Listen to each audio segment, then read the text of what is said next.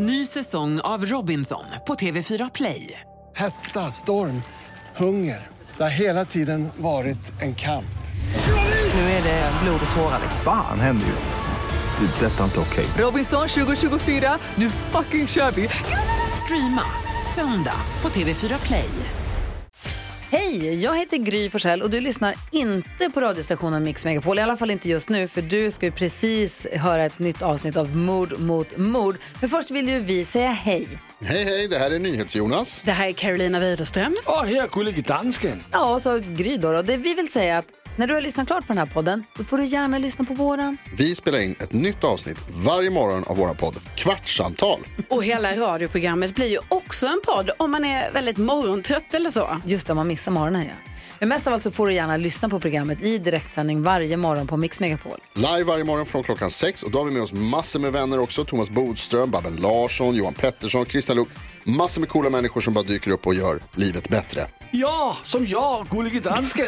Exakt så. Och så mycket bra musik och annat skoj såklart. Så vi hörs när du vaknar på Mix Megapol. Podplay.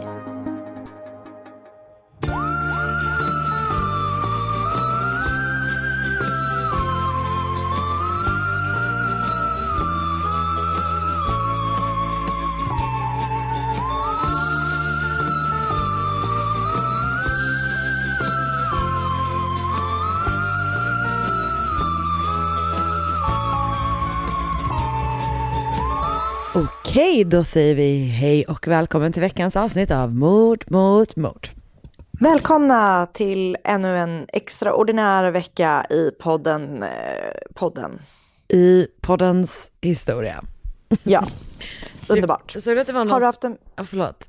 Nej, säg det först. Det var någon som undrade, eh, som längtade efter att du skulle göra din, alltså att din officiella, ditt officiella välkomnande Mitt av våren. vårskrik. Jag vet, jag såg det. Men jag, alltså det snöade ju liksom i Skåne idag där jag var. Ja, och även i Stockholm.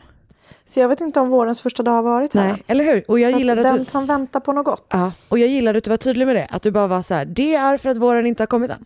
Mm. Ja. Nej, jag respekterar Men det. just när den är här så um, då blir det åka av som jag brukar säga.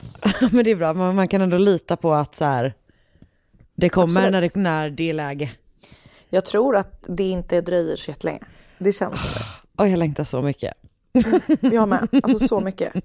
Till din sång alltså, våren skiter jag i. Jaha, jaha. Mm, precis. Ja, men det var det precis. Det var väl det vi menade allihopa. Ja, självklart.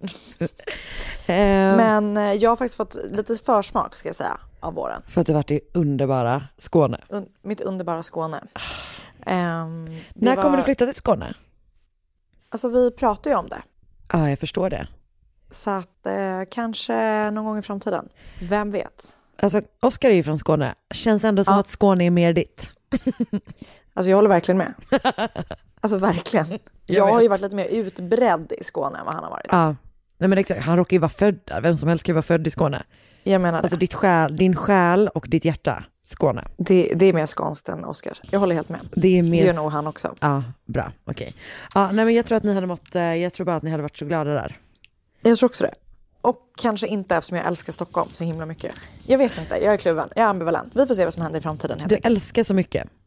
Jag älskar och hatar mycket. Ja, en kvinna av känslor. Precis. Man Brett spektrum. Eh, hur har din, det är annandag påsk. Det är det. Har din påsk varit bra? Otroligt. Hur har din varit? Du har varit i Göteborg. Ja, exakt. Vi är på, på Dyran, en ö Ni utanför. är i Göteborg? Jaha. Eller vi är, vi är utanför, eh, på en ö utanför Tjörn är vi. Du lurades då när du sa att du hade snöat i Stockholm. Då hade du bara sett det på vädret eller? Det är så att min mamma är i Stockholm och har lånat vår Just lägenhet. det, ni har bytt ut, eh, Ja. ni har gjort ett byte ja. Ja, Just det, okej, och- ni har fått rapport, du har fått live-rapporter. Absolut. Om, Mm. Jag har fått live-rapporter från en springtur runt Årstaviken i snöstorm. Härligt. Mm. Du, ehm, fick du en påskägg? Alltså jag har fått väldigt mycket godis. Mm.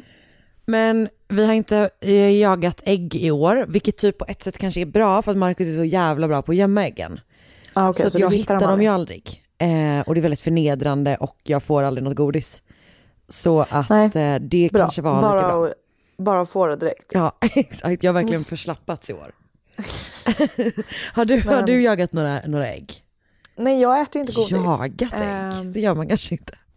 Nej, eh, och jag äter ju inte godis. Jag fick ett påskägg av Oskars mamma med ett nagellack i. Eh, det är det enda jag fått. Men jag, för jag tänkte det, du har ju ändå been known att få en och annan alltså Påskpresent. påskpresent. Det är någon i vårt hushåll som tycker att vi inte ska hålla på med det. Eh, och det, denna någon i ert hushåll är respekterar och förstår jag. Men jag fick faktiskt, av min mamma fick jag ett påskägg. Jag, jag har önskat att jag ska, mm, jag önskat eh, tyg till att sy upp kuddar till vår soffa. Så det fick jag i påskpresent av min mamma. Så du har fått ett nagellack i ett påskägg och en påskpresent? Ja, Det men inte av, min, inte av min livspartner. Nej, men vet du vad, jag tycker att han, jag, jag, jag håller tyvärr med Oskar där. Men det finns Men då bra. kan ju ni fira påsk nästa år. vi- Så kan jag och Oskar, nej så kan jag och Markus leta ägg ihop, för jag är fan skitbra på att leta. Är du bra på att leta men gillar inte att gömma? Ja. Ja, men då så, då är ni verkligen ett så bra team. Men jag tänker att din sida att inte gilla att leta hänger ihop med att du inte heller gillar att gissa. Det är Du verkligen sant. hatar att känna dig dum. Ja, Liksom, alltså sådär att när man, man känner sig dum när man letar. alltså vet du vad Anna? Jag tror att alltså, du har aldrig sagt en sannare analys om mig. För jag tror att det är exakt det det är. Ja. Och vet du vad?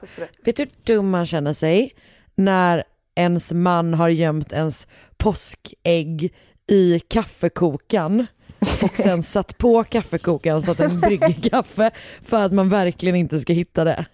Alltså då känner man sig så dum. Men det var ju riktigt sly. Jag vet, han- det är sånt han han gör, förstår du? Ett plastägg eller hur lyckades han med Ah, det? nej, då hade han eh, gjort ett, ehm, det var typ en sån chokladkanin. Så att Ah, den ja. gick ju inte ens att äta sen för den var ju Nej, genombryggd synd. av kaffe. den var liksom som en masterchef-dessert när jag fick den. Gott ändå. Ja, visst vet du, kolla. Allt med, allt med den här påsken är du öppen för. Vi får helt enkelt fira påsk nästa år. Vi byter. Ja. Men vi kan vara allihopa tillsammans tänker jag. Jaha, du tyckte så. Nej, jag är hellre med Marcus får du vara med Oskar. Men vem får ditt Skåne? Det får nog jag och Marcus. Fan, okej. Det är ju mitt. Ja. Okej, men då ska jag och Oskar vara i vårt Bohuslän. Ja, det är helt rätt. ja, nej, eh, har du sett, lyssnat, eh, hört något, Nej, läst något? alltså jag har verkligen inte det. Jag har läst mycket har- böcker men inget liksom true crime tror jag. Fan vad mysigt. Jag har inte läst någonting. Alltså jag har, inte, jag har varit helt eh, i nuet. Wow, Anna. Mm. Jag är så stolt över dig. Hur, hur var det där i nuet? Det var härligt. Ja. en dag ska jag dit. Nej men det känns inte som att jag har kollat på någonting eller, eller så. Det, först, det känns ju som att det är det första som försvinner när man liksom uppenbarligen då är och hälsar på folk som ju ni också har varit. Ja, alltså det känns ju otrevligt att eh, Lägger sig på sitt rum och kollar på, på serier. mm. men, ibland, Tyvärr. men ibland är man sugen och jag gjorde det också en stund. Men jag tycker det är helt rätt. När man är gravid får man fan göra vad man vill. Tack. Absolut. Det ska du ha. Tack snälla. Eh, Även äta, äta påskäggen utan att leta efter dem. Slippa känna sig dum. Absolut. Absolut. Eh, nej, så jag har väl ingenting att tipsa om Nej, helt inte jag enkelt. heller. Ja, men vi kan ju säga att Knutby som vi har pratat om, den, var ju, den är ju ute nu. Den har Just kommit ut i en vecka när det här kommer i och för sig. Ja, då är alla avsnitt ute. Ja, underbart. Ja, jag vill ändå, jag ser fram emot att höra vad folk tycker. Ja, jag med. Vi startar en tråd i gruppen. Ja, Eller vi gör inte det, men någon gör det. ja någon gör det. Det läser ni hörni. Ett poddtips från Podplay. I podden Något Kaiko garanterar östgötarna Brutti och jag, Davva, dig en stor dos skratt. Där följer jag pladask för köttätandet igen. Man är lite som en jävla vampyr. Man har fått lite blodsmak och då måste man ha mer. Udda spaningar, fängslande anekdoter och en och annan arg rant. Jag måste ha mitt kaffe på morgonen för annars är jag ingen trevlig människa. Då är du ingen trevlig människa, punkt. Något Kaiko, hör du på Podplay. Därför är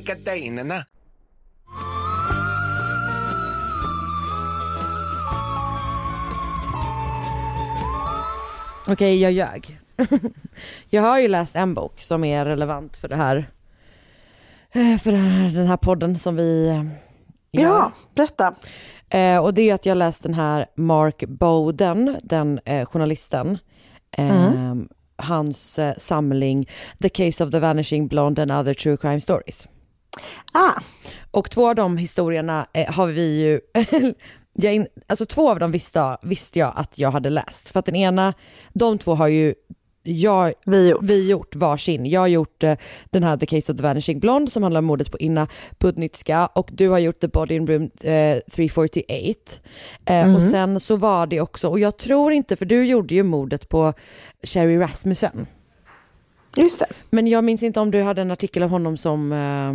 Det tror jag inte att jag hade Nej, eller hur? faktiskt. Men den är Nej. i alla fall också med. Så den hoppade jag också över, vilket gjorde då att jag hade tre stycken eh, historier kvar av sex. Men härligt. det var ändå, det var, det var härligt att läsa true crime i den formen i en bok. Det kändes bra. Och de Härligt. två sakerna, eller de två fallen som vi då har använt hans artiklar till, eh, har Mm. ju eh, två saker gemensamt. Eh, de är väl båda Vanity Fair publicerade tror jag. Och sen är det framförallt då att den underbara privatdetektiven Ken Brennan är med båda två. Och en, eh, en, det finns en tredje historia i den här boken som också har med Ken Brennan att göra. Okej. Och- Gud vad de, eh, han, han är lika fascinerad av honom som vi är. ja, ja, verkligen så. Det var, det var typ också att han bara, I just sat down, me and Ken, we have kept in touch and I sat down with him for lunch and he told me about this case. Typ så.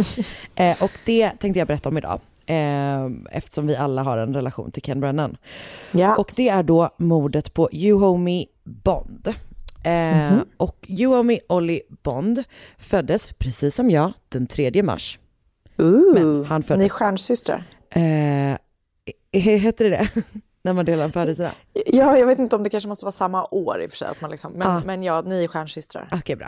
Eh, det är inte samma år. Han föddes 21 år innan mig. 1967. Och det var då hans mamma som bestämde att han skulle heta just Me, eh, vilket i den här artikeln beskrivs som så här, som en typ koppling till Muhammad Ali, vilket jag inte Mhm. riktigt förstår kopplingen. Jag vet inte om det bara var att det påminner henne om det, men hur som helst. Han växte upp i Jackson, Tennessee, som är en liten stad med ungefär 65 000 invånare, där de flesta tillhör lägre medelklass och ungefär hälften är svarta och hälften är vita. Ehm, det ser ganska mycket ut som så här, sinnebilden av en så amerikansk mindre stad. Alltså du vet det är så här villaområden med enplansvillor och så ligger det såna här, så här strip malls ut med bilvägar. Alltså det är verkligen så här, eh, när man föreställer sig en amerikansk stad, så, så ser det ut typ. Ja. Och han inleder sin karriär i flottan och där jobbar han upp sig till kapten över åren. Och han är liksom under sitt vuxna liv så blir han inkallad ett par gånger och är i Irak och Afghanistan och sådär. Men eh, på hemmaplan, alltså han är, han blir inkallad men han har ett jobb liksom eh, även på hemmaplan. Så det är inte det att han är, i militär, är aktiv i militären okej. hela tiden liksom. Utan han blir polis. Så att han, är, han tillbringar liksom hela sitt liv i, i uniform, men lite olika uniformer. Jag fattar. Eh, Yumi jobbar i ett par olika distrikt innan han blir Bradfords allra första svarta Chief of Police. Eh, men när, när, huv- eh, när huvuddelen av den här historien utspelar sig så är det 2008 och han är 41 år gammal och jobbar på narkotikaroten på Haywood County. Och Yumi är gift med en kvinna som heter Angela och tillsammans har de tre barn. En Hur stavas hans namn? han stavas, alltså det stavas jättespeciellt och det verkar inte, det är inte ett namn som typ verkar finnas. Eh, Nej, okej. Det stavas E EU H-O-M-M-I-E. Okej. Ehm, och det är ju liksom ett, ett, så här, ett, ett väldigt ovanligt namn. Det finns Ja. liksom inga, det, det kommer typ inga träffar på det utöver den här historien liksom. Ehm, Nej, alls, sådär. Mm. Eh, men som sagt, Angela... Tre barn. Tre barn, en dotter, två söner. De har liksom ett så här fint och bra liv tillsammans. De har en fin bil och fina bilar och så här bra hus och sådär. Eh, men de jobbar också jätte, jättehårt. Han jobbar då heltid på polisen eh, och sen så äger hon en skönhetssalong och där hon också liksom, eh, jobbar hela dagarna. Och tillsammans så äger de eh, också baren Spankies. Vilket Vad är det? Är ett, en bar. en bar. Gud, jag, jag, Vad tror du jag jag, sa? hör- Nej, jag, jag vet inte. De äger en bar det som något heter annat. Spankies. Ja. Helt enkelt. Varför heter den så? Det låter lite snuskigt. Jag vet, men, men Ja, för det låter lite grann som att det är, alltså, det låter liksom både som en vägkrog och en strippkrog. Det kanske är det. Det kanske är precis det det är. Nej, alltså det verkar inte vara en strippklubb i alla fall. Nej. Det, men det du vet. ligger i, du vet så här, det är en sån enplans liksom, lokal i, typ i en sån strippmall. Ehm, jag kan skicka en bild till dig sen. Gärna. Ehm, ja, och där jobbar då Angela natt. Så att hon jobbar ju typ hela dagarna på sin skönhetssalong och sen så typ går hon dit och jobbar på kvällarna. Okej. Och han eh, som typ så här, ja men han- då, han har jobbat med olika saker där men, men har liksom lite så ansvar för säkerheten och typ anställt alla vakter och sådär. Han Okej. brukar komma dit då efter sina skift liksom är avslutade. Så de jobbar mer eller mindre konstant båda två. Och bara den här baren Spankies har blivit lite av ett sånt ställe, du vet så här, det är ett sista stopp på kvällen.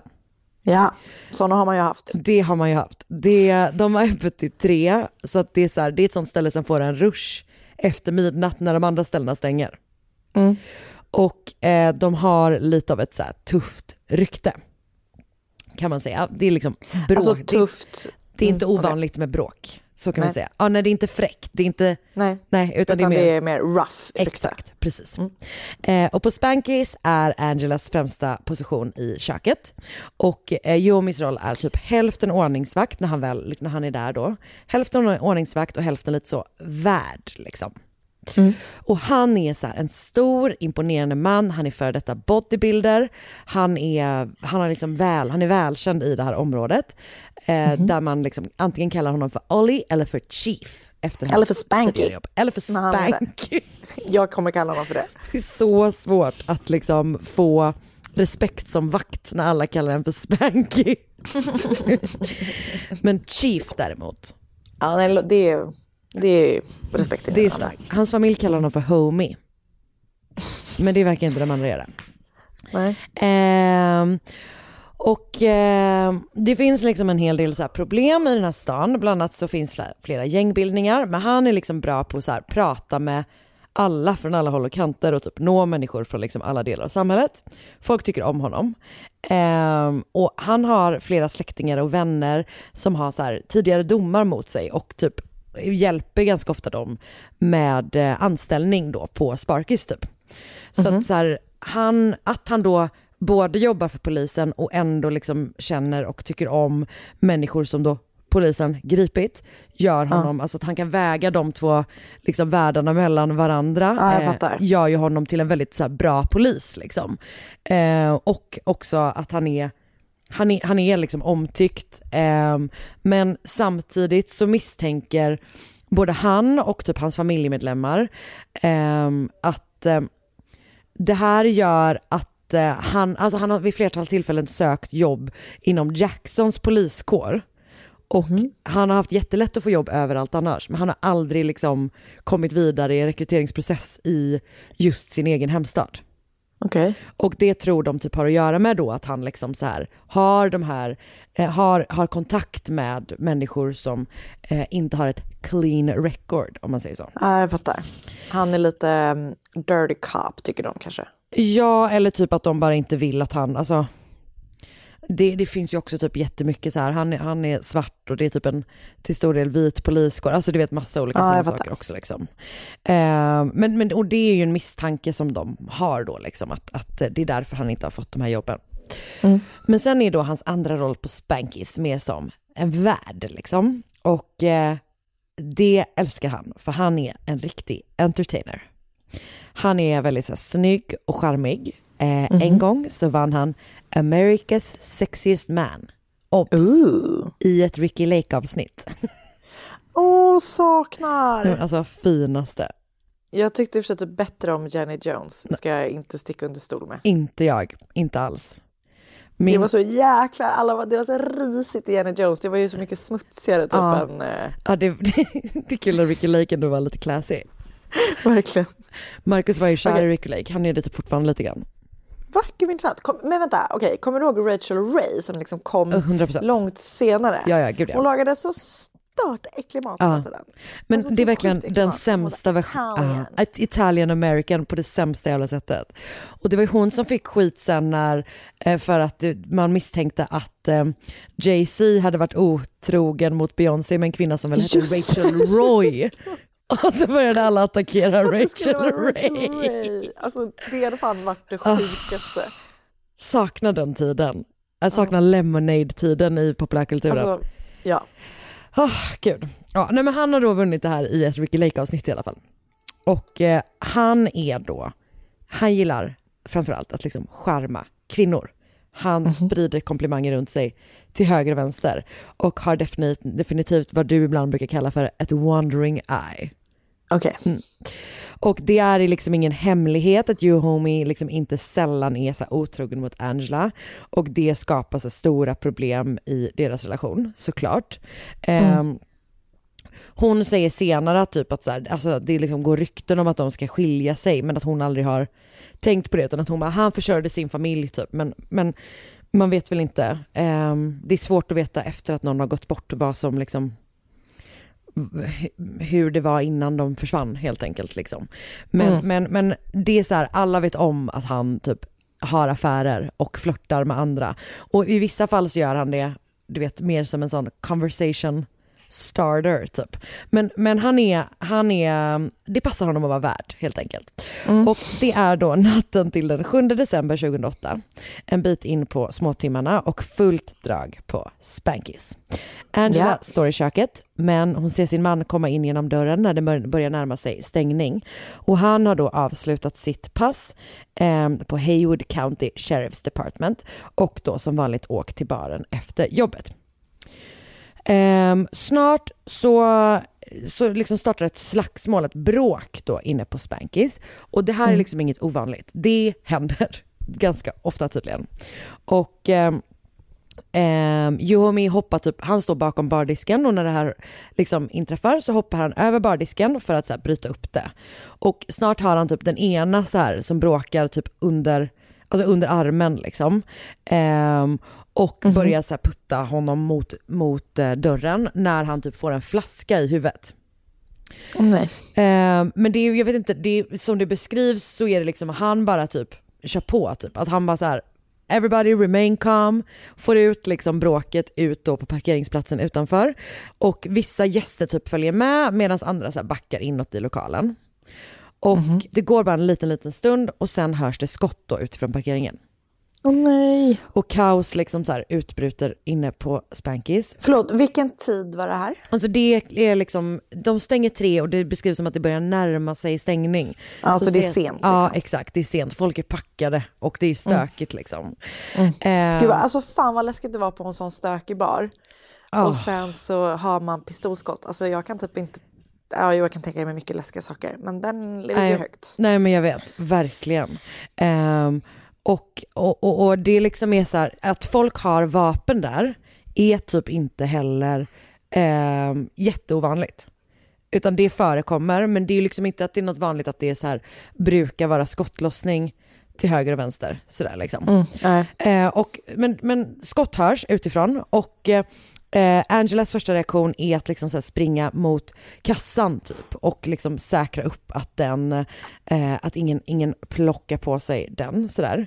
Eh, Och sen så hör hon någon skrika “Chief's been shot”. Och Sen så ser hon en av vakterna, han heter Eric Cobb. Eh, han håller typ en pistol och står typ på ett bord och skriker “Where's the motherfucker at?” Okej. Och ute på parkeringen så ligger Yuomi då blödande eh, medan en av gästerna, Lawanda Williams, som är sjuksköterska, försöker stoppa blödningen. Ehm, och när Angela kommer ut och hittar sin man på marken säger Lawanda till henne “Baby, I've done all I can do. Only God can pull him through from here.” Nej. Och sen körs han då till akuten och han har träffa, träffats på väldigt nära håll med en 9 mm kula i övre delen av bröstet. Och kulan har Okej. liksom färdats neråt i kroppen och fastnat i en liksom, em, tarmven. Så en ven Oh. liksom ganska långt ner i, i em, magen typ. Och det har resulterat i så svåra inre blödningar att det inte går att rädda honom utan han avlider ganska kort efter att han har kommit till akuten. Ja, usch. Och samtidigt då så börjar folk så förhöra, eh, eller samtidigt börjar polisen förhöra folk på platsen. Eh, det finns ett, ett gäng vittnen, det är ganska många som har varit där, men jag tänker också så liksom kaotisk scen. Att det liksom är, du vet folk är fulla och det är stökigt och sen har det här liksom kaoset hänt liksom. Eh, men snart står det klart att det finns två huvudmisstänkta som liksom flera olika personer har pekat ut då. Och det är Michael Robinson och Steve Thomas. Och båda två är liksom kända hos polisen sedan innan.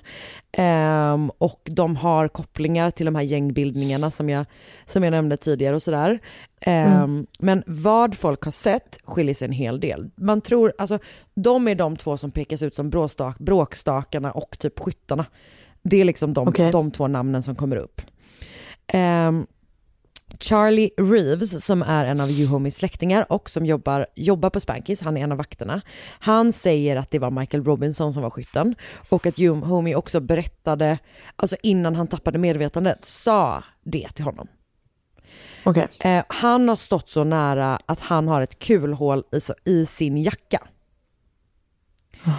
En annan vakt eh, som heter Arthur Hunt, han har sett eh, Michael Robinson bråka med Bond och eh, har försökt gå emellan dem. Och eh, han och, och typ någon annan har dragit tag i Michael Robinson och dragit honom bakåt. Och sen har han uppfattat det som att tre skott har skjutits från en plats bakom Robinson. Eh, Men att inget av dem har träffat, eh, träffat eh, Yuhomi utan att eh, det är det fjärde som har gjort det och det har inte han sett vart det har liksom kommit ifrån. Men däremot så har han sett både Michael Robinson och Steve Thomas, båda två springa från platsen efter det här. Eh, sen finns det en kvinna som heter Natalie Allen och hon har suttit i sin bil på parkeringen när det här bråket liksom kommit ut från baren. Eh, och hon ser då Steve Thomas gå till sin bil, öppna motorhuven och ta fram ett vapen därifrån innan han liksom återvänder till bråket. Och sen Okej. så går de här skotten av. Och hon ser inte vem som skjuter, eh, för hon liksom tappar, det är sån tumult liksom. Men hon ser också då Steve Thomas springa iväg från platsen efter att Yuhomi har så fallit till marken. Så efter, några timmar efter Yuhomis död så grips Michael Robinson och åtalas för mordet och snart så griper man också Steve Thomas och han åtalas för aggravated assault och som an accessory to murder. Men när vittnena förhörs i du vet en sån preliminary hearing eh, Ja. så börjar fallet snabbt krackelera. Okej. För när de pressas av försvarsadvokaterna så visar det sig att deras historier, liksom går inte ihop. Det är så här, de ifrågasätts på saker och du vet, det, det håller inte längre och de drar tillbaka saker. Vissa vittnesmål har också andra problem. Natalie Allen, som var den här kvinnan då som såg eh, Mm. Thomas hämta, hämta pistolen, det visar Ja. sig att hon är ihop med Michael Robinson. Okej. Så att då, det liksom misskrediterar ju henne eh, och hennes vittnesmål väldigt mycket. Att man tänker att det handlar om att hon bara vill peka finger på någon annan än honom. Eh, Charlie Reeves, han tar tillbaka sitt statement om att Yuhomi själv pekat ut Michael Robinson som gärningsman. Och parallellt med det här att man liksom plockar isär vittnesmål efter vittnesmål så presenteras nya vittnen som säger emot det som åklagarens vittne, eh, vittnen berättar. Du vet att de är kanske så här, men jag var med Michael Robinson inne på baren, vi gömde oss under skottlossningen, alltså sådär liksom. Ja. Så allting fallerar rakt av liksom, i den här rättssalen då. Och eh, det är ju nästan bara vittnesmål som det här bygger på. Man har hittat liksom eh, hylsor och sådär eh, ute från en 9 mm, pe- med 9 mm pistol.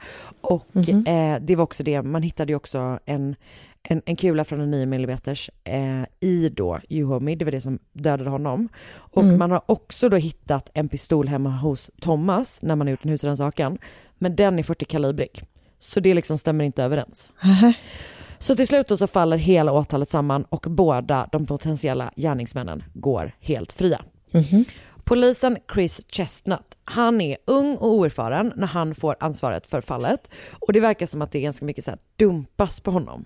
Det dumpas på honom, han har gått liksom bredvid en huvudansvarig polis men den huvudansvariga polisen eh, lämnar alltså rättssalen innan domaren ens liksom avkunnat det här att, att det inte kommer att, att bevisen inte, inte håller för rättegång och låter Mm. liksom den här Chris Chestnut själv då hantera familjens sorg och liksom besvikelse och sådär. Och sen så får han bara det här fallet i knät liksom.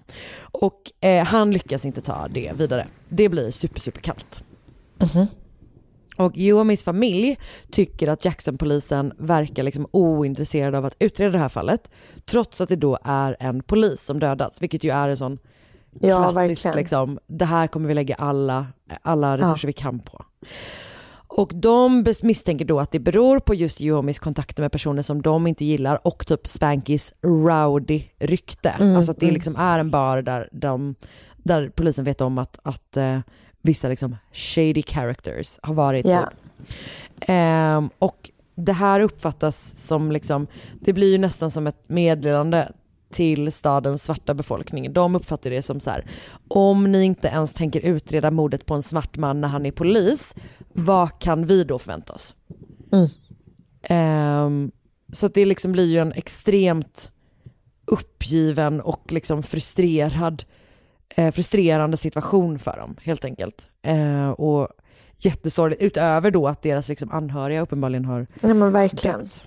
Mm. Och Angela tar ut Yohomis liv, eh, livsförsäkring och säljer av deras, liksom, eller sina och deras affärsverksamheter. Tar med sig barnen och lämnar Jackson. Jag tror att de flyttar till Florida om jag inte minns fel. Och eh, det blir då Yohomis moster Deborah Perry och en av hans systrar Gwen Sanders som kommer liksom bli väldigt, väldigt så här, drivande i en så fortsatt liksom, en, att hitta en lösning på det här fallet. Och du vet de så här, samlar ihop till en belöning eh, till den som kommer med tips som leder till gripande. Typ att, jag tror att de får ihop 10 000 dollar och sen adderar Angela ytterligare 5 000. De så här, annonserar, alltså de, de gör alla, alla sådana klassiska Ja. grejer liksom. Och Deborah Perry visade sig är lite av en true crime-fanatiker. Jaså? Och en dag, sådär åtta år efter mordet på hennes systerson, så sitter hon och kollar på ett true crime-program. Där hon stiftar Aha. bekantskap med ingen mindre än Ken Brennan. Ooh. Så det handlar om något annat fall som han liksom har hjälpt till och löst. Han kör väl in, du vet ju hur han ser ut, han kör väl in på sin motorcykel och sladdar in och löser fallet. Fan vad underbart. Ja, nej men verkligen. Och så hon bestämmer sig för att ta kontakt med honom. Och eh, han får ju väldigt många förfrågningar som du säkert förstår. Men han bestämmer sig faktiskt för att tacka ja till det här efter att han har läst in sig på fallet. Ehm, och mycket, en stor Han hade anledning- väl någon sån liksom, jag tar bara fall som jag tror att jag kan lösa eller någonting sånt. Ja, eller typ att det måste liksom intressera honom typ. Eh, och många Mm. Jo, eh, sa, sa han också liksom att det är så här, it has to pique my interest. Men ja, det handlar om att han känner att han måste kunna bidra. Alltså att det det- måste, han vill inte, ja. Ja, exakt. Han vill inte ödsla sin tid på när det ändå inte kommer. Nej men inte bara ödsla sin egna tid, jag tänkte att det också handlar om att inte så skapa falska, alltså du vet att så här, det måste finnas någonting som, Just det, att dra i typ. Mm. För familjens skull. Ja, för att han är nog inte så billig heller. nej, Men han är väldigt bra, får vi lov att han är säga. väl bra, väldigt cool. Och han säger typ i det här fallet så är han så här, han bara, jag kan inte fatta att liksom eh, den här polisen sköts ihjäl för åtta år sedan och eh, polisen har inte hittat gärningsmannen. Att det är liksom typ där någonstans som han tycker att det är så här, det är så jävla konstigt att det borde gå. Mm. Och sen finns det ju massa, massa vittnen också liksom. Ehm, så han tackar ja. Han ska ta på sig fallet och vi känner ju Ken, han är all about the cold hard facts. Han tar då kontakt med Chris Chestnut, den här polisen. Han har stigit i graderna över, genom åren, men han har aldrig liksom slutat tänka på det här mordet på You Owe Me. Ehm, och han är glad att Ken är där, om än lite starstruck. Och tillsammans så går de liksom igenom, det känns ju som att det är så ofta där Ken börjar, att han liksom kollar på allting på ett sätt som utan, eh, utan att förutsäga någonting, utan bara vara så här, ta en, ny, med nya fräscha ögon, så börjar de då kolla på eh, allt material som finns. Och de går också så här, de besöker brottsplatsen om och om igen, och eh, man har då konstaterat att ett 9 mm skott träffat Yomi och ett ytterligare ett skott träffat vid dörren till Spankis. Och man har också hittat hylsor från två 9 mm kulor. På bilderna från brottsplatsen kan man också se hylsor från flera 40-kalibriga vapen. Ehm, men det har inte ansetts viktigt. Utan man har ansett att, eh, att det här är någonting, alltså att ibland så skjuter gästerna på, på Spankis i, i, rakt upp i luften. Okej. Och man har kommit fram till att det är från en sån gång. Och jag, ja. och jag antar att det har också att göra med då att, att, han, alltså, att han har dött av en 9 mm. Ehm, så att de har fotograferats men verkar liksom inte ha, du vet man har inte, man har inte sparat på dem eller sådär som bevis. Nej. Och det stör Ken Brennan. Eh, han tycker inte om det. Han fortsätter att jobba igenom brotts, brottsplatsen. Du vet de så här, eh, är uppe på taken och kollar typ vart kan man ha skjutit ifrån? Hur kan det, legat, hur kan det ha varit? De använder sådana laserstrålar du vet för att se olika projektiler och eh, massa massa sådana saker. Ehm, men det stör också Ken att, att den här kvinnan Natalie Allen, du vet hon som såg, att, såg Steve Thomas hämta sin, sitt vapen, eh, att hon har avfärdats rakt av, bara, bara då, eh, eh, inom citattecken, för att hon är Michael Robinsons eh, flickvän. För han säger att så här, om man hittar på en sån historia, alltså bara, bara hittar på den, då hittar man inte på med den typen av detalj som är att han liksom öppnar motorhuven och plockar Okej. ut sitt vapen. Utan att så här, då är man så här, han gick till sin bil och hämtade sitt vapen. Ja. Så han är så här, jag tror att hon talar sanning. Och Kens teori Fast formas- brukar man inte säga att eh, när folk ljuger så är de alltid mycket mer detaljrika än när de talar sanning? Jo, men det här får du ta upp med Ken Brennan i eran Ja, podcast. det ska jag faktiskt göra. Det ska jag göra. Men jag tror att det är typ så här att han Det tänker att, inte. att det är så specifikt att hon, ja jag vet inte, men han tycker i alla fall att det är konstigt. Och han... Jag tycker det är konstigt att han säger så, men jag, vi tar det, jag tar det direkt med honom. Ja, bra, bra. Gör det. Eh, jag såg att han finns på LinkedIn så du kanske kan skriva till honom där. Uh, jag vill typ inte. kanske gör det. Jag kanske gör det. så härligt. Han börjar forma en teori. Han tror att det har varit två skyttar. En skytt som har stått vid dörren till baren, där en runda då liksom tagit, och en som har stått på andra sidan parkeringen.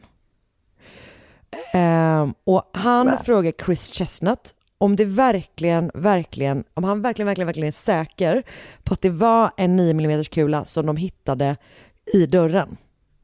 Och han får svaret att säga ja, nej men det var det. Och Ken är så här, har vi kvar den? Kan vi dubbelkolla? Chris hämtar ut den ur bevismaterialet, de dubbelkollar och Ken har rätt. Det är ingen 9 mm kula, utan skottet har kommit från ett 40-kalibrigt vapen. Så alltså har personen på, som liksom har stått ute på parkeringen skjutit med ett sånt skott och personen vid dörren måste ha använt den 9 mm som har dödat Jaså? Ken Brennan intervjuar vittnen under ett och ett halvt års tid. Han går igenom brottsplatsen med typ med de flesta av dem, alltså de flesta av dem följer med liksom till, till Spankis, det är inte Spankis längre, det är, ligger ett cateringföretag där nu. Ehm, och han så här frågar dem om och om igen, typ om deras historier. Och när han, de säger saker som han menar att de inte kan ha sett eller du vet att det inte stämmer överens. Så, så säger han så här, jag tror inte att det stämmer på grund av det här och det här och det här. Så att de liksom verkligen pratar igenom dem, vilket låter som ett svårt sätt att intervjua ett vittne. Men, Alltså verkligen. men, men, men, så, men Ken Brennan gör, han är ju inte polis, Han han, gör lite det. som han vill.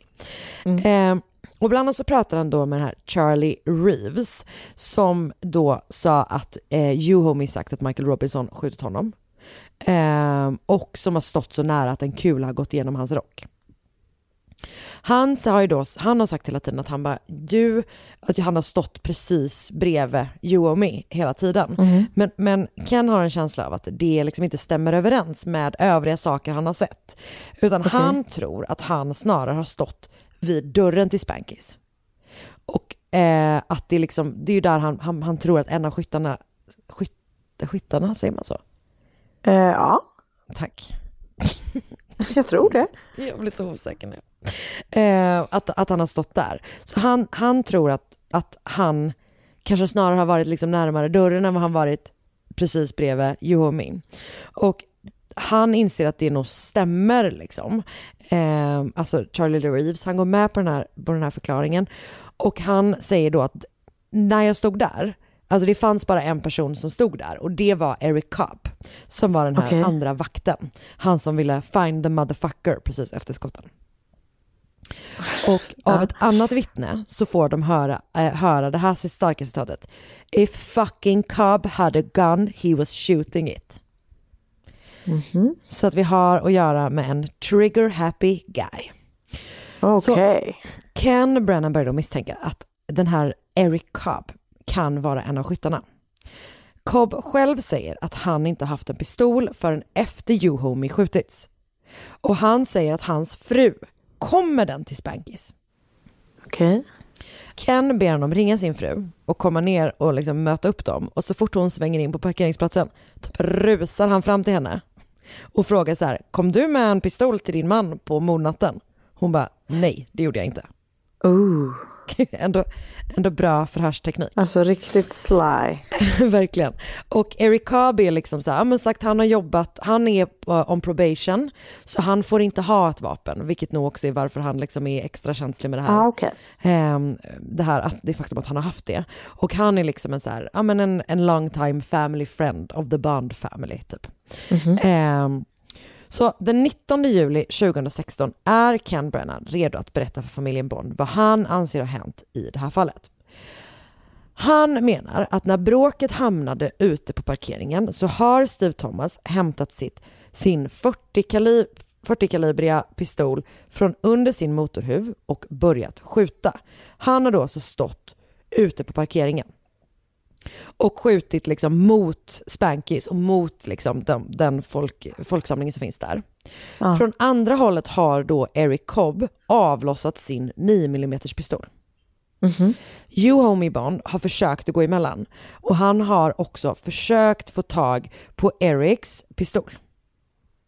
Jaså? Men istället så har den gått av och den har då träffat Juhomi i bröstet. Okej. Och det förklarar då att, att för han blev ju skjuten på väldigt nära håll liksom.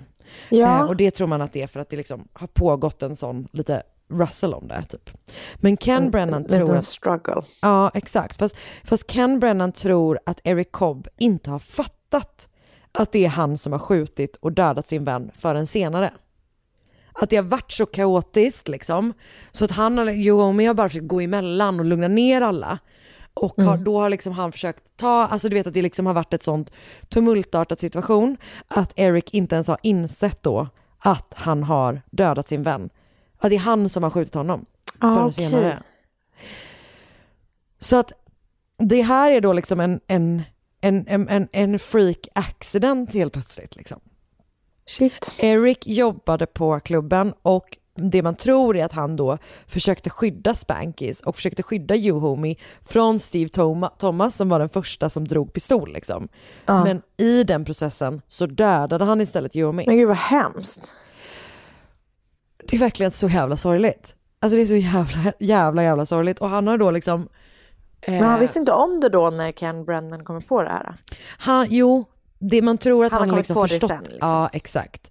Eh, att han har gått runt och burit på det här och det visar sig också när, eh, alltså när Ken Brennan liksom lägger ut sin teori så är, visar det sig att flera familjemedlemmar och typ vänner till Yomi har typ hört de här ryktena. Alltså de har hört det ryktas om att Eric kan ha varit inblandad men de har liksom inte velat tro på det. För att han är en Nej. kompis till dem. Det är liksom för, för skevt och för konstigt typ. Mm.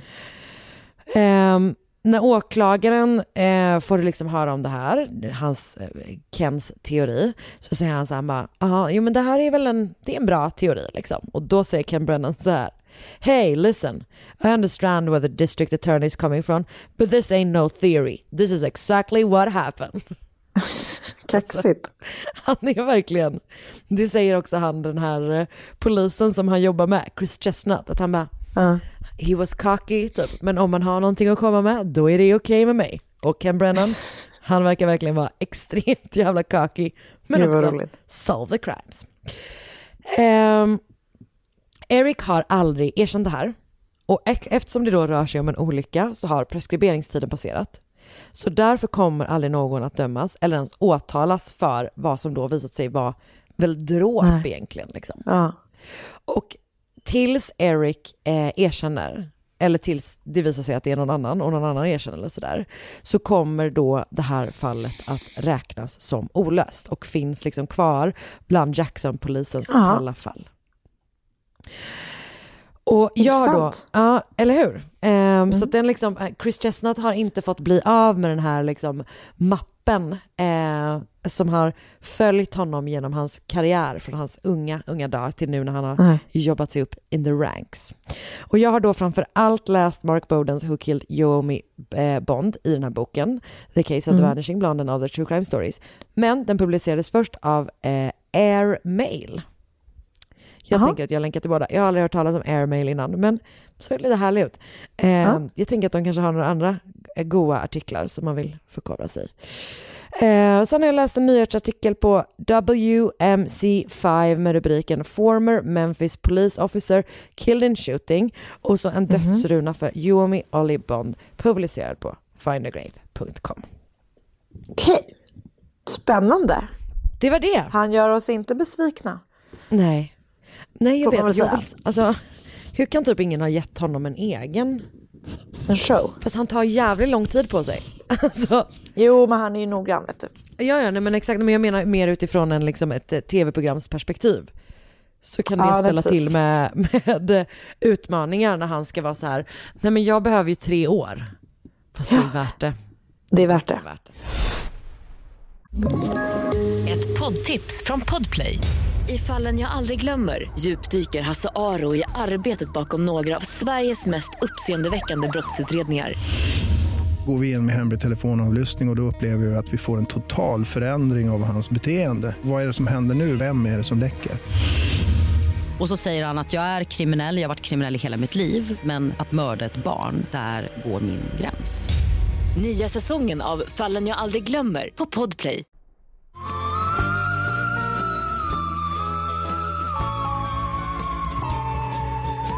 Då är det då, som Ja. kör. Då börjar jag.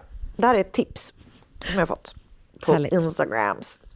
Rebecca Sahau föddes, Ja, okej, det är Ja. dags att göra det. ja, eh, föddes den 15 mars 1979 i en stad som heter Falam i Myanmar, alltså dåtidens vad heter det, Burma. Eh, hon hade sex syskon och hennes familj beskrevs i en dokumentär jag tittade på för royalties i deras stad och eh, de flydde från Burma när eh, Rebecca var tonåring och efter det så bodde familjen ett kort tag i Nepal och sedan i Tyskland i tio år innan hela familjen flyttade till USA när Rebecca var typ 21 år gammal.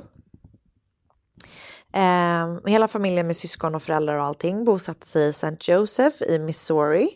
Och hon var väldigt nära med sin familj och de hade så här, ja, bra kontakt och du vet, de hördes flera gånger i veckan och sånt där.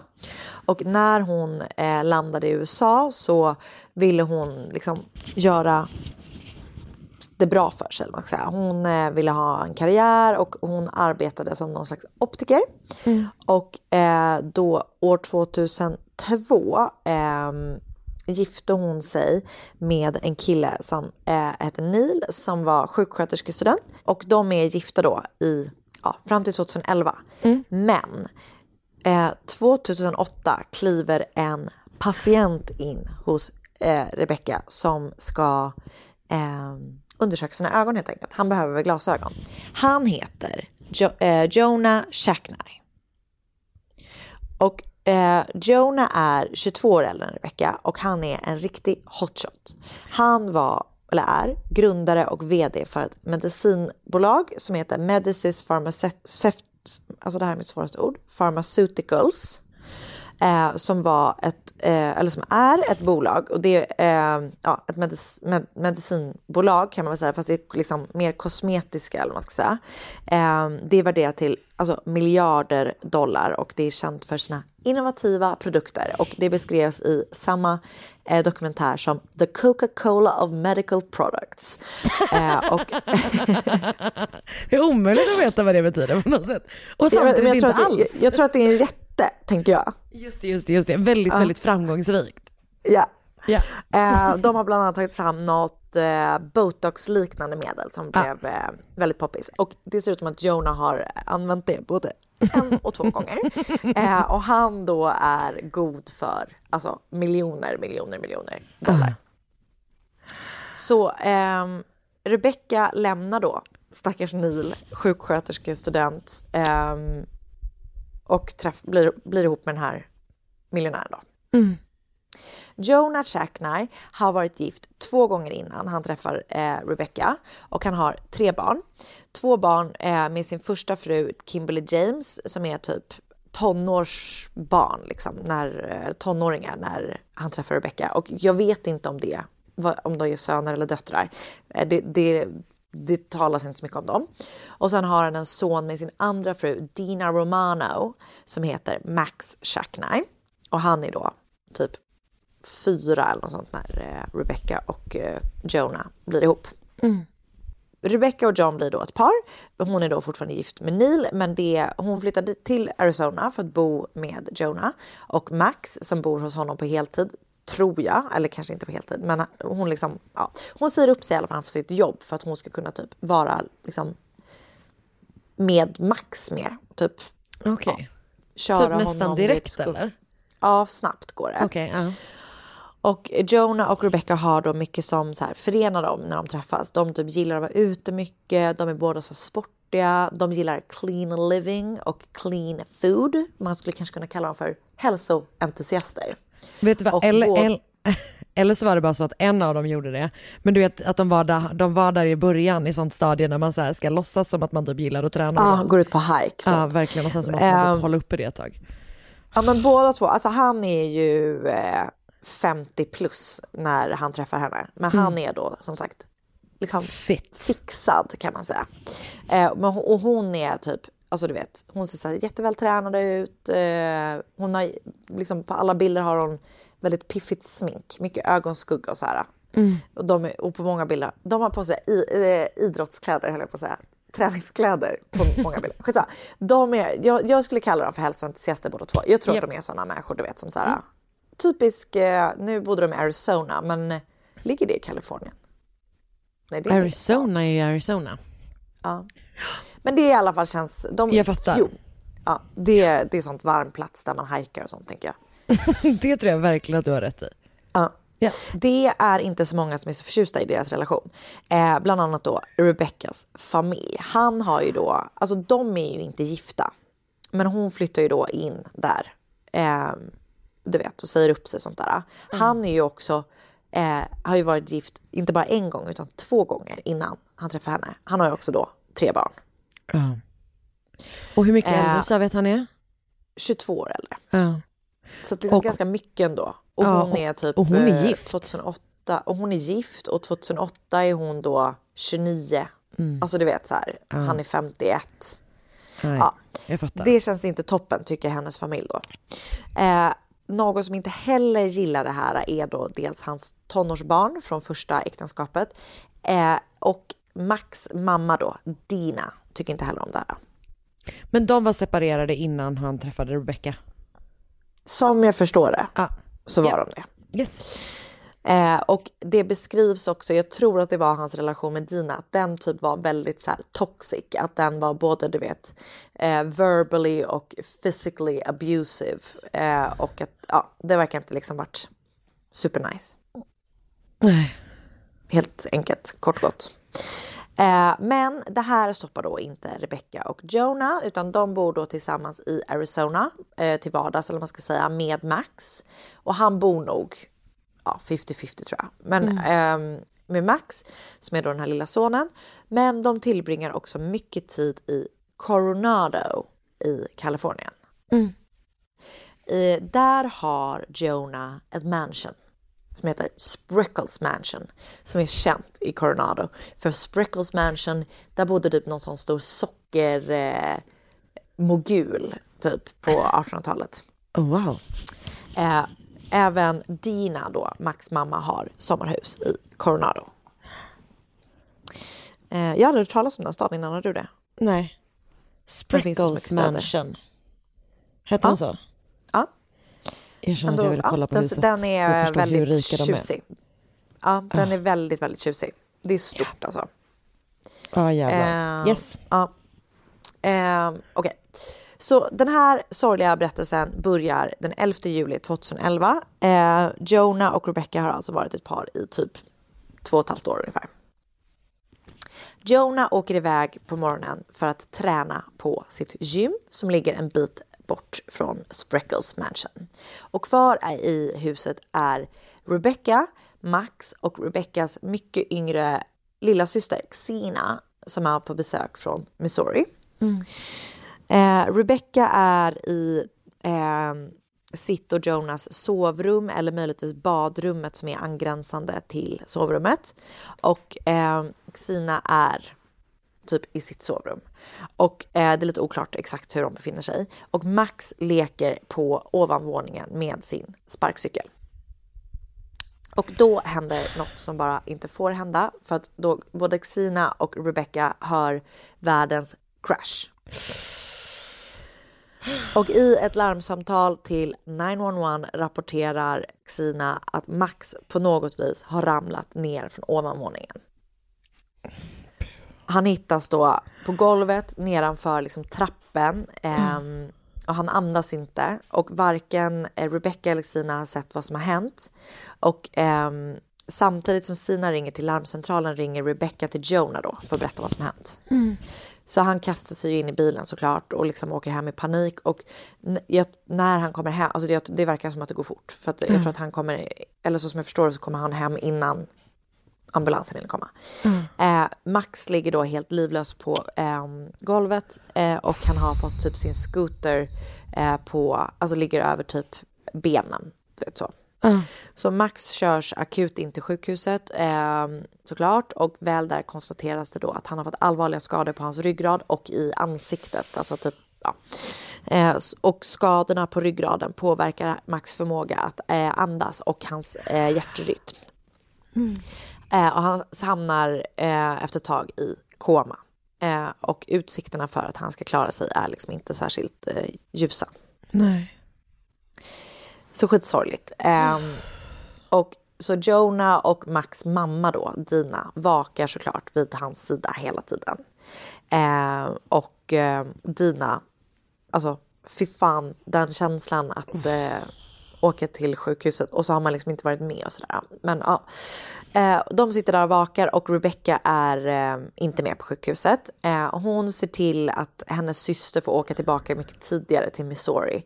Eh, ja, för liksom det är inte läge att hon är Ja, hon får åka Mm. hem. Och samtidigt som eh, Rebecca lämnar henne på flygplatsen hämtar hon upp Jonas bror Adam som har kommit för att vara då stöd åt brorsan. Och hon hämtar också upp Nina som är Dinas tvillingsyster. Ehm, Och ehm, Adam Shackney är då, eh, jag tror att han är lillebror till eh, Jonah. Och han är liksom inte alls eh, så som sin bror, utan han verkar vara liksom mycket mer enkel person, eller vad man ska säga. Inte så flärdig som Jonah. Han jobbar typ som boxeringsbåtskapten. Eh, och ja, han verkar vara helt vanlig helt enkelt. Ja.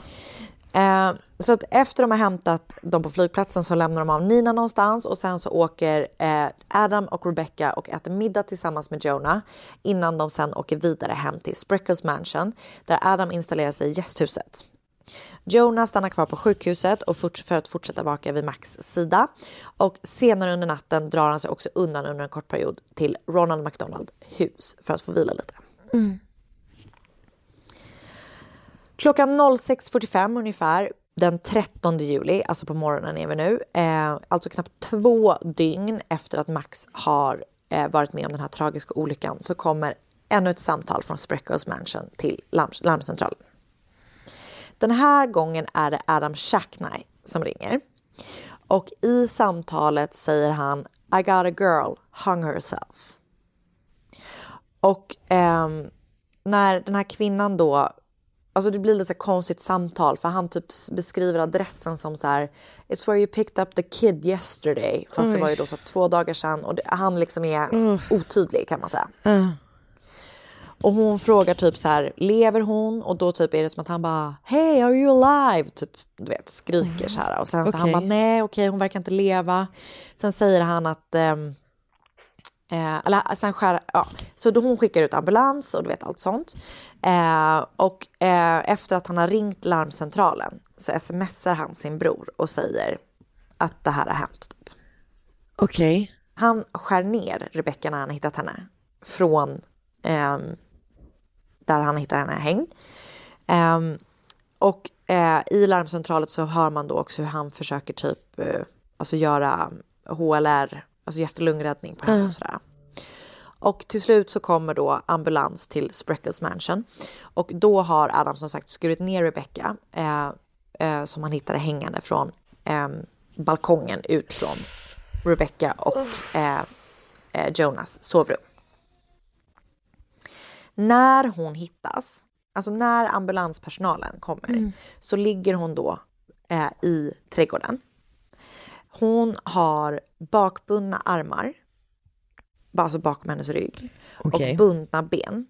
Och runt hennes huvud är en långärmad t-shirt knuten och ärmarna eh, på t-shirten är instoppade i hennes mun. Eh, hon är naken när hon hittas och på benen finns det spår av tejp. När ambulanspersonalen kommer dit så försöker de också liksom se om de kan få liv i henne men hon förklaras liksom död snabbt för att rigor mortis heter det va? Har eh, börjat inträffa liksom, hon har varit död för länge. Det, det liksom finns ingen eh, chans att rädda henne. Så hon är bakbunden och har benen bundna och har en tröja runt halsen med ärmarna i munnen. Mm. Okej. Allt är så sjukt konstigt. Ja. Hon hittas då så, naken på det där sättet. Eh, och hon har då eh, hängt sig, enligt Adam, för han är ju den enda som har sett henne hänga så, från en balkong i Jonah och Rebeccas sovrum. Hon har alltså bundit fast eh, snaran i sängen och sen kastat sig då ut från balkongen. På dörren till det sovrum som hon hängt sig i, eller alltså till deras sovrum, eh, så har så så är det skrivet på dörren med en pensel med svart färg. Står det She saved him, can you save her? Ursäkta? Mm. Och sängen då, alltså hon är, alltså hon är ju en nätt kvinna, men hon har då ändå bundit fast sig i sängen och kastat sig ut. Sängen har typ alltså flyttat så här en decimeter.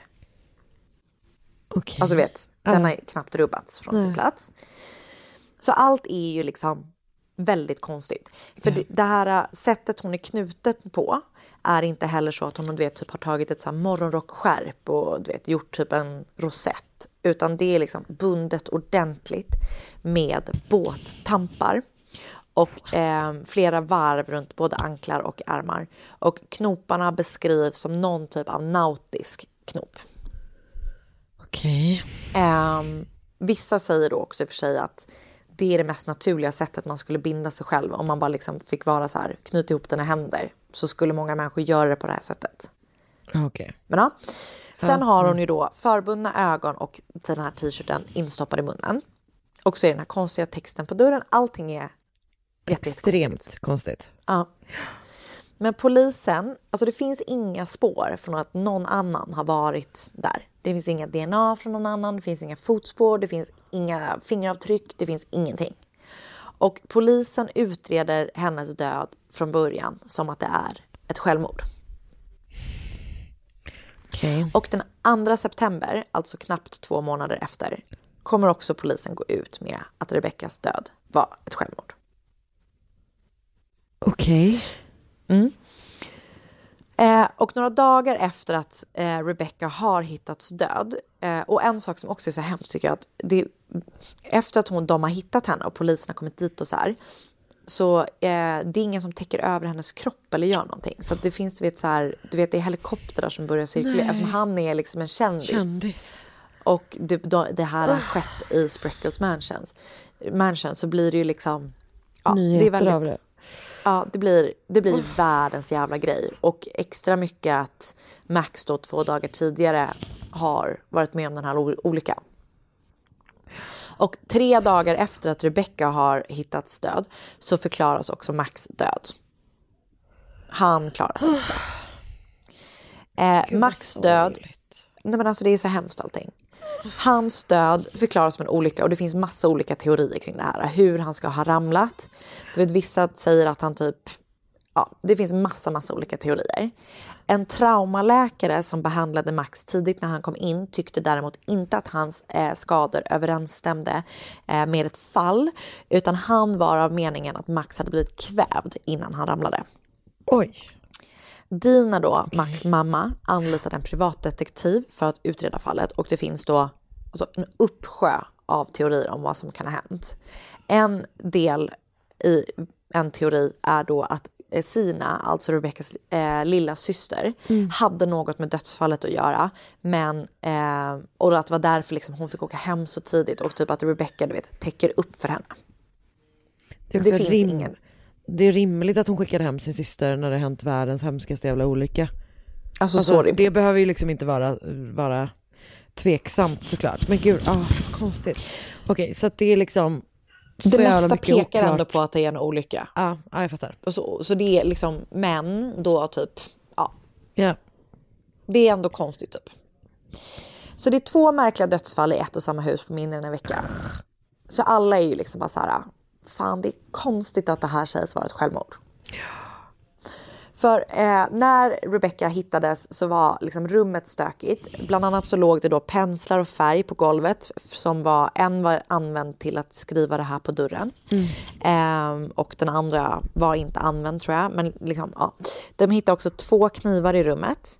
Och på ena kniven så tror man att det var liksom blodspår på handtaget. Men det testades aldrig. Vad fan. Av någon konstig anledning. Eh, på balkongen hittades också Rebeckas fotavtryck. Men man hittade också ett skoavtryck från en herrsko. Hmm. Enligt polisen så kom det avtrycket från den polis som var på plats först. Och då är det ju en kontaminerad Ja. plats. Nej, men verkligen. Så det är konstigt. Ja. Polisen hittar också en bok i hennes rum ehm, som heter Bucklands Complete Book of Witchcraft. Och i den finns det en ritual som beskriver eh, en naken kvinna eh, binder, sina, binder bak sina händer med ett rött rep på ett liknande sätt som Rebecca hade sina bakbulor knutit sina händer. Och det var också knutet med ett rött rep då. Så polisen är du vet så här, hon kanske är intresserad av det ockulta eller hon är intresserad av typ bondage sex. Alltså du vet, allting är liksom bara... Ja. Alltså det är så konstigt att man inte bara, det här är fett weird, hon har inte tagit, alltså ja. Ja. Men, Och visst, men det ibland när man, det känns ju som att ibland när riktigt rika människor och typ inflytelserika människor är inblandade så vill man ju inte utreda det på ett rimligt sätt heller liksom. Exakt Att så. de backar undan från. Och det är det som alla Ja. säger. Ja. Att så här, money talks verkligen. Oh, fy fan. Ja. Eh, en granne berättar... Nej men jag vet, det är så hemskt. En granne berättar efter... Alltså, de hör väl sig för lite sådär. Eller det, det, jag tror att det här är för sig en granne som kontaktar polisen. Han berättar att han kvällen eh, innan då Rebecca hittades död har hört hög musik från huset och också skrik. Det var nog förresten en, en kvinnlig granne. Mm. Grannen har, har eh, hört skrik och hög musik från huset. Och hon beskriver skriken som ah, ah och sen help, help. Jättekonstigt. Också, ring polisen. Alltså, jag verkligen, ring polisen. Och Rebecca hade huvudskador när hon hittades. Och det är ju konstigt, för hon har ju hängt sig. Men rättsläkare då och poliser eh, menade då att hon kunde ha slagit i huvudet från när hon föll från balkongen. För de menar då typ att hon kastade sig huvudstupa ut från balkongen och slog i huvudet då. Det här låter ju helt Alltså det är så konstigt allting. otroligt liksom. Polisen förklarar också det faktum att hon var bunden, vilket känns ju som... Ja, Nej, ehm, varför skulle, eller liksom.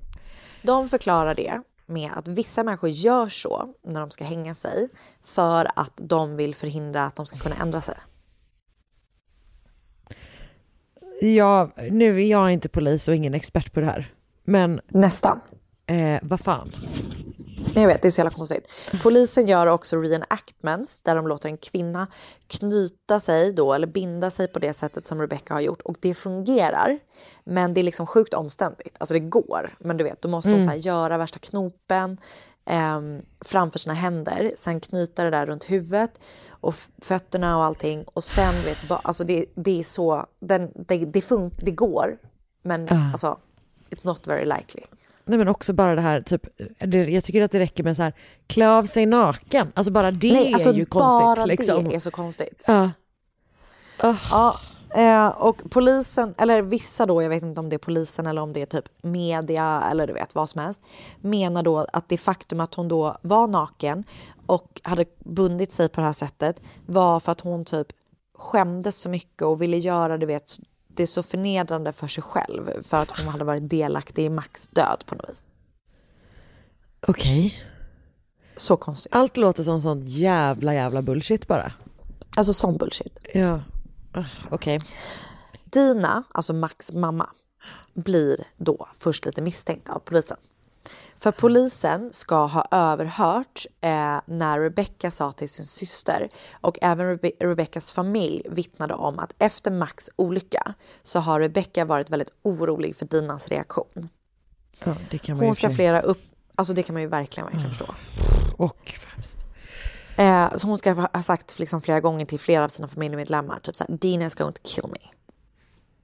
Det känns ju Eh, mer som bara någon, eller så här, vet Något man säger. Och också typ så här, för jag hade ansvar för hennes barn när det liksom trillade ner för en trapp och nu ligger i koma. Alltså det är Nej, det är konstig grej att säga liksom. Nej, verkligen inte. Okej. Mm. Men det var också ett vittne som kom fram och berättade att han har sett en kvinna komma till huset eh, kvällen innan Rebecca hittades död. Och kvinnan han beskriver passade in på Dinas utseende. Eller hennes tvillingsyster Nina. Eller hennes tvillingsyster. Mm. Det tas inte vidare på något vis. Eh, det är ju heller inte särskilt långsökt att polisen blir intresserad av Adam då, alltså Jonas bror. För eftersom han var den enda andra människan som var i huset med Rebecca när hon då ska ha hängt sig liksom. Mm. Och det var ju även han som då hittade henne och skar ner henne och sen ringde polisen. Så han är ju den enda som egentligen har sett hur det var från första början. För polisen kommer ju till en plats, en brottsplats där hon är liksom nedplockad och så vet allting. Det också. ja. Eller vet du vad, jag tycker inte att det är konstigt att han egentligen att han, att han har försökt få ner henne, för Inte den, alls. reaktionen, Nej, den nej. reaktionen förstår jag. Men Det, tror däremot jag det här... det ska man väl göra antar jag. Ja, nej men alltså det tycker jag känns helt rimligt. Men just den här reaktionen var typ såhär, Hey, are you alive? Ja, nej, och att han inte vet vad hon heter. Alltså du vet, det är ett långt, eh, eller han vet väl vad hon heter, men i hela larmcentralen, äh, samtalet, Samtalet, ja. så säger han inte hennes namn en enda gång. Ja, väldigt, Fan. konstigt. Ja, mm. Han går med på att göra ett lögndetektortest som han varken klarar eller failar. Mm. Så det blir liksom ett inconclusive test. Och sen så händer det liksom inte så mycket mer med det. Eh, man hittar också typ så här, man gör, du vet, unders- jag tror man undersöker hans telefon och sånt. Och han har alltså sökt på, eller han har tittat på bondageporr eh, kvällen innan hon dog. Vilket ju verkligen kan Det ha. behöver- Det betyder det absolut inte ingenting. betyda någonting. Nej, Det behöver, nej, absolut inte. Men han har gjort det Ah. i sin mobiltelefon. Ehm, men det- som sagt, det betyder verkligen ingenting. Det händer då ingenting med... Eh, alltså, det, alltså, det händer ingenting med det här ofullständiga testet. Polisen liksom släpper det. Det är ett självmord, konstaterar man. Men Rebeccas familj då vägrar acceptera att det är självmord. De tycker att allting är för konstigt runt det. De tror ju också heller inte att hon, att hon aldrig skulle begå självmord. Det vet man ju såklart inte, det kan man ju aldrig veta. Men de tycker att det är för mycket konstiga omständigheter omkring det. Ja. Det är också du vet, så sms som har skickats under kvällen i eh, Rebeccas telefon. Det finns ett borttaget eh, voicemail som man inte vet vad det är. Du vet, det finns lite sådana konstiga saker. Så de bara, det är för mycket märkligt. Så de eh, låter, alltså, de, de låter en annan rättsläkare, jag tror att de liksom, vad heter exhumed, alltså de plockar upp Ja, efter begravningen liksom. kropp Ja. efter begravningen och låter en annan rättsläkare undersöka kroppen igen. Den här rättsläkaren då anser att hennes skador mer liknar någon som blivit strypt än skadorna från någon som har hängt sig själv. Då verkar det också som att den här rättsläkaren indikerar då att hon har blivit utsatt för något sexuellt övergrepp innan hon dör. Det bekräftas. Det jag vet inte om det helt och hållet har bekräftats. Eh, jo, jag ska också säga att på brottsplatsen så hittade man blodfläckar. Som, alltså inte stora, men liksom små blodfläckar. Hon hade också lite blod på sitt ben. Det förklarar polisen som att hon har mens. Eh, vilket också gör det så konstigt att hon alltså, har mens, har ingen tampong eller binda Nej. eller någonting. Nej. Och och menskopp eller du vet någonting. Och klär av sig spritt språngande naken och eh, ja, Nej, det är väldigt konstiga ting. Ja, mm, absolut. Ehm, men så då, um, Rebeckas familj och eh, deras advokat menar då att det är Adam Shackney som är skyldig för mordet på Rebecca. Eh, för att han då på kvällen har eh, våldtagit henne eh, och eh, bundit henne så här och ut, misshandlat henne och sen då mördat henne och sen liksom gjort brottsplatsen på det här sättet. Och det är ju inte så många som tror på att Rebeckas död då var ett självmord och det skrivs liksom mycket om hennes död i olika tidningar. Alltså, det är liksom så juicy allting. Hon är så snygg, han är rik, de bor i ett jättestort hus, den här sonen har dött. Alltså det finns så mycket Japp. liksom, Och dra på. att bygga på. Ja. Eh, Okej, så polisen menar att det var självmord, hennes familj menar att det inte var det. Alla de här konstiga omständigheterna, familjen är helt säker på att Adam är skyldig.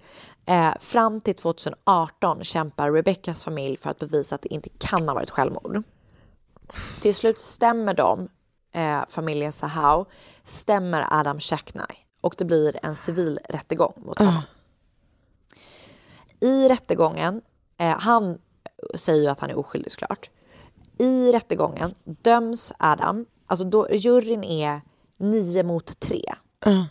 För att Adam är liable, alltså han är, vad, alltså han är Ansvarig. ansvarig snarare än skyldig Japp. för Rebeckas död. Och det verkar då räcka att juryn inte är helt enig i en civilrättegång. Det verkar, jag vet inte om det är liksom inte lika tung bevisbörda eller du vet så. Ah.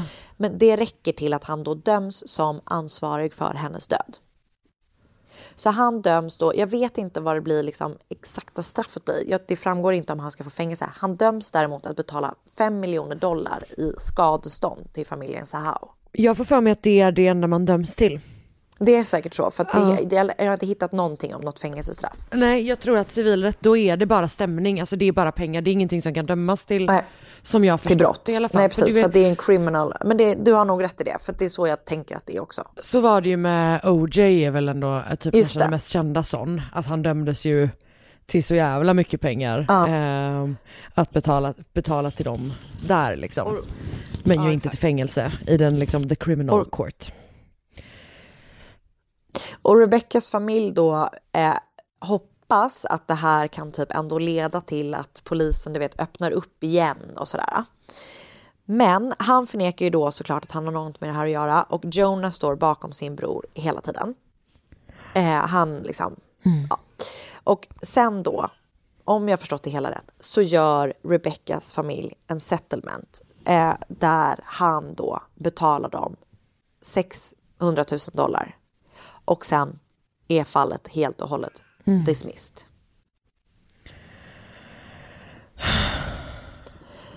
Och allting är så jävla konstigt. Och det finns ju så mycket teorier liksom om vad som har hänt. Alltså du vet att... Men, men många pekar ju på då att Jonah, Adam, alltså du vet, det, all, ingen tror ju att det är ett självmord. Nej, men, men är teorin att liksom att typ att Adam ska ha gjort, alltså att Adams motiv är då... Som en hämnd. Just det. För att han verkar också ha haft en väldigt liksom, nära relation till sin syster, äh, brors son. Och, eh, när han ska då ha gjort det så för att hämnas eh, sin bror, liksom. Eh, sin brorson. Det är en konstig jävla hämnd med. Alltså just alla de här sakerna. konstigt. Alla de här sakerna runt omkring, att det inte bara är en sån, du vet liksom fit of rage Nej, Alltså att att, han liksom ska ha gjort så jävla konstigt. Ja. Ja. Och det känns också så konstigt allting med typ så här, om han ska försöka få det att se ut som ett självmord, Mm. varför gjorde han det då? Varför band han henne sådär? Och Nej. skrev det där konstiga på dörren. Och, Så att det ser Alltså, det mindre ju- ut som ett självmord liksom. Exakt, det är ju så jävla konstigt. Det är så jävla konstigt. Och så jävla sorgligt. Det är så sorgligt för hennes familj. Ja men det är så sorgligt och det är så hemskt. så Och det är så sorgligt för den pojken, och- ja. Men det var i alla fall eh, Rebecca Sahaus dödsfall får man väl säga. Väldigt hemskt fall. Ja. Fan, Eh, alltså. Och jag har eh, kollat på massa YouTube och då har jag sett Women Die. Nej. Ursäkta. Woman dies mysteriously in historic California mansion. Det är 2020 på ABC. Det är part 1 and 2. Part 3 hittade jag tyvärr inte och det finns kanske en part 4 och sånt också. Sen såg jag Brothers boy, Boyfriends... alltså jag är så trött nu. Boyfriend's brother found responsible for woman's death också på ABC. Sen såg jag en, eh, en typ sammanfattning på något som heter ehm, True Crime. True, Hur går det? inte så bra. Men hjärtat, du klarar det. Mist- Okej, du klarar det inte. Mystery Avalanche är alltså typ som en podd, alltså en youtuber heter Mm. det. Som heter What happened to Rebecca Sahau, the mysterious death, eh, deaths at Spreckles mansion. Sen har jag såklart läst eh, eh, you, eh, Verkar ju så spänd på vad du läst. Wikipedia. Just det. Massa olika artiklar, eh, typ eh, Daily Mail, lite sådana blandade godsaker. Och sen har jag lyssnat på en podd som heter Moms and Murders. Eh, som avsnitt heter Rebecca Sahau. Och den tänker jag att vi kommer döpa om mord mot mord till Moms and Murder. Fast sånt där, morsor och mord. Så bra ju. Fy fan. Men gud vad bra, då har vi, då Ja. vet vi vad vi ska göra sen liksom. Så blir det med det. Det blir jättebra. Nej, Det där är ju ett sånt där fall som, alltså jag vet inte om det är, ett, om det är casefile eller något som har gjort det. Det är någon sån, eller om det, men den, den sitter ju i en. Den sitter i en som tusan verkligen. För att, vad fan. Vad hände? Och det borde liksom gå att lösa. Det är just i det, ah. Men Nej, jag vet. alltså, ah, Man blir fan galen. Ken Brennan, where you at? Verkligen. In med honom. Bra. Ehm, Det var allt för den här veckan, va? Ja, det var det. Tack för att ni har lyssnat och tack snälla du Anna för att du har pratat med mig. Tack själv Karin, det var Tack. underbart. Det gjorde vi bra. Har, du, har ni ätit middag? Nej, vi ska göra det nu. Vad ska ni äta? Eh, jag tänkte göra någon slags räksallad. Jag är väl inne på... Åh gud vad gott. salladen. Räkor! När man är i Göteborg då blir det lite Anna, räkfrossa. Anna, Anna jag, jag kommer döda dig. Det är så kul att du, det är det värsta du vet när folk härmar göteborgska. Jag vet, och då brukar jag ändå vara mer okej med när du gör det än när alla andra gör det. Jag vet, jag uppskattar det. Men Oskar blir galen när jag pratar skånska också. Jag tycker att jag är så bra på att härma dialekter. Alla Men andra du- tycker jag är så dålig. Du brukar vara bättre på göteborgska men det här var nog en av dina sämsta Det var försök lite sämre. Jag, jag hörde men jag det själv. Ja, jag men jag vet. tror att du gjorde det mer som en grej. Att det var mer som att du imiterade folk som imiterar göteborgska. Typ så. Ja, bra. Götlaborg. Nej! Vad fan. Hej då! Hej då! Ett poddtips från Podplay. I fallen jag aldrig glömmer djupdyker Hasse Aro i arbetet bakom några av Sveriges mest uppseendeväckande brottsutredningar. Går vi in med hemlig telefonavlyssning och, och då upplever vi att vi får en total förändring av hans beteende. Vad är det som händer nu? Vem är det som läcker? Och så säger han att jag är kriminell, jag har varit kriminell i hela mitt liv men att mörda ett barn, där går min gräns. Nya säsongen av Fallen jag aldrig glömmer på Podplay.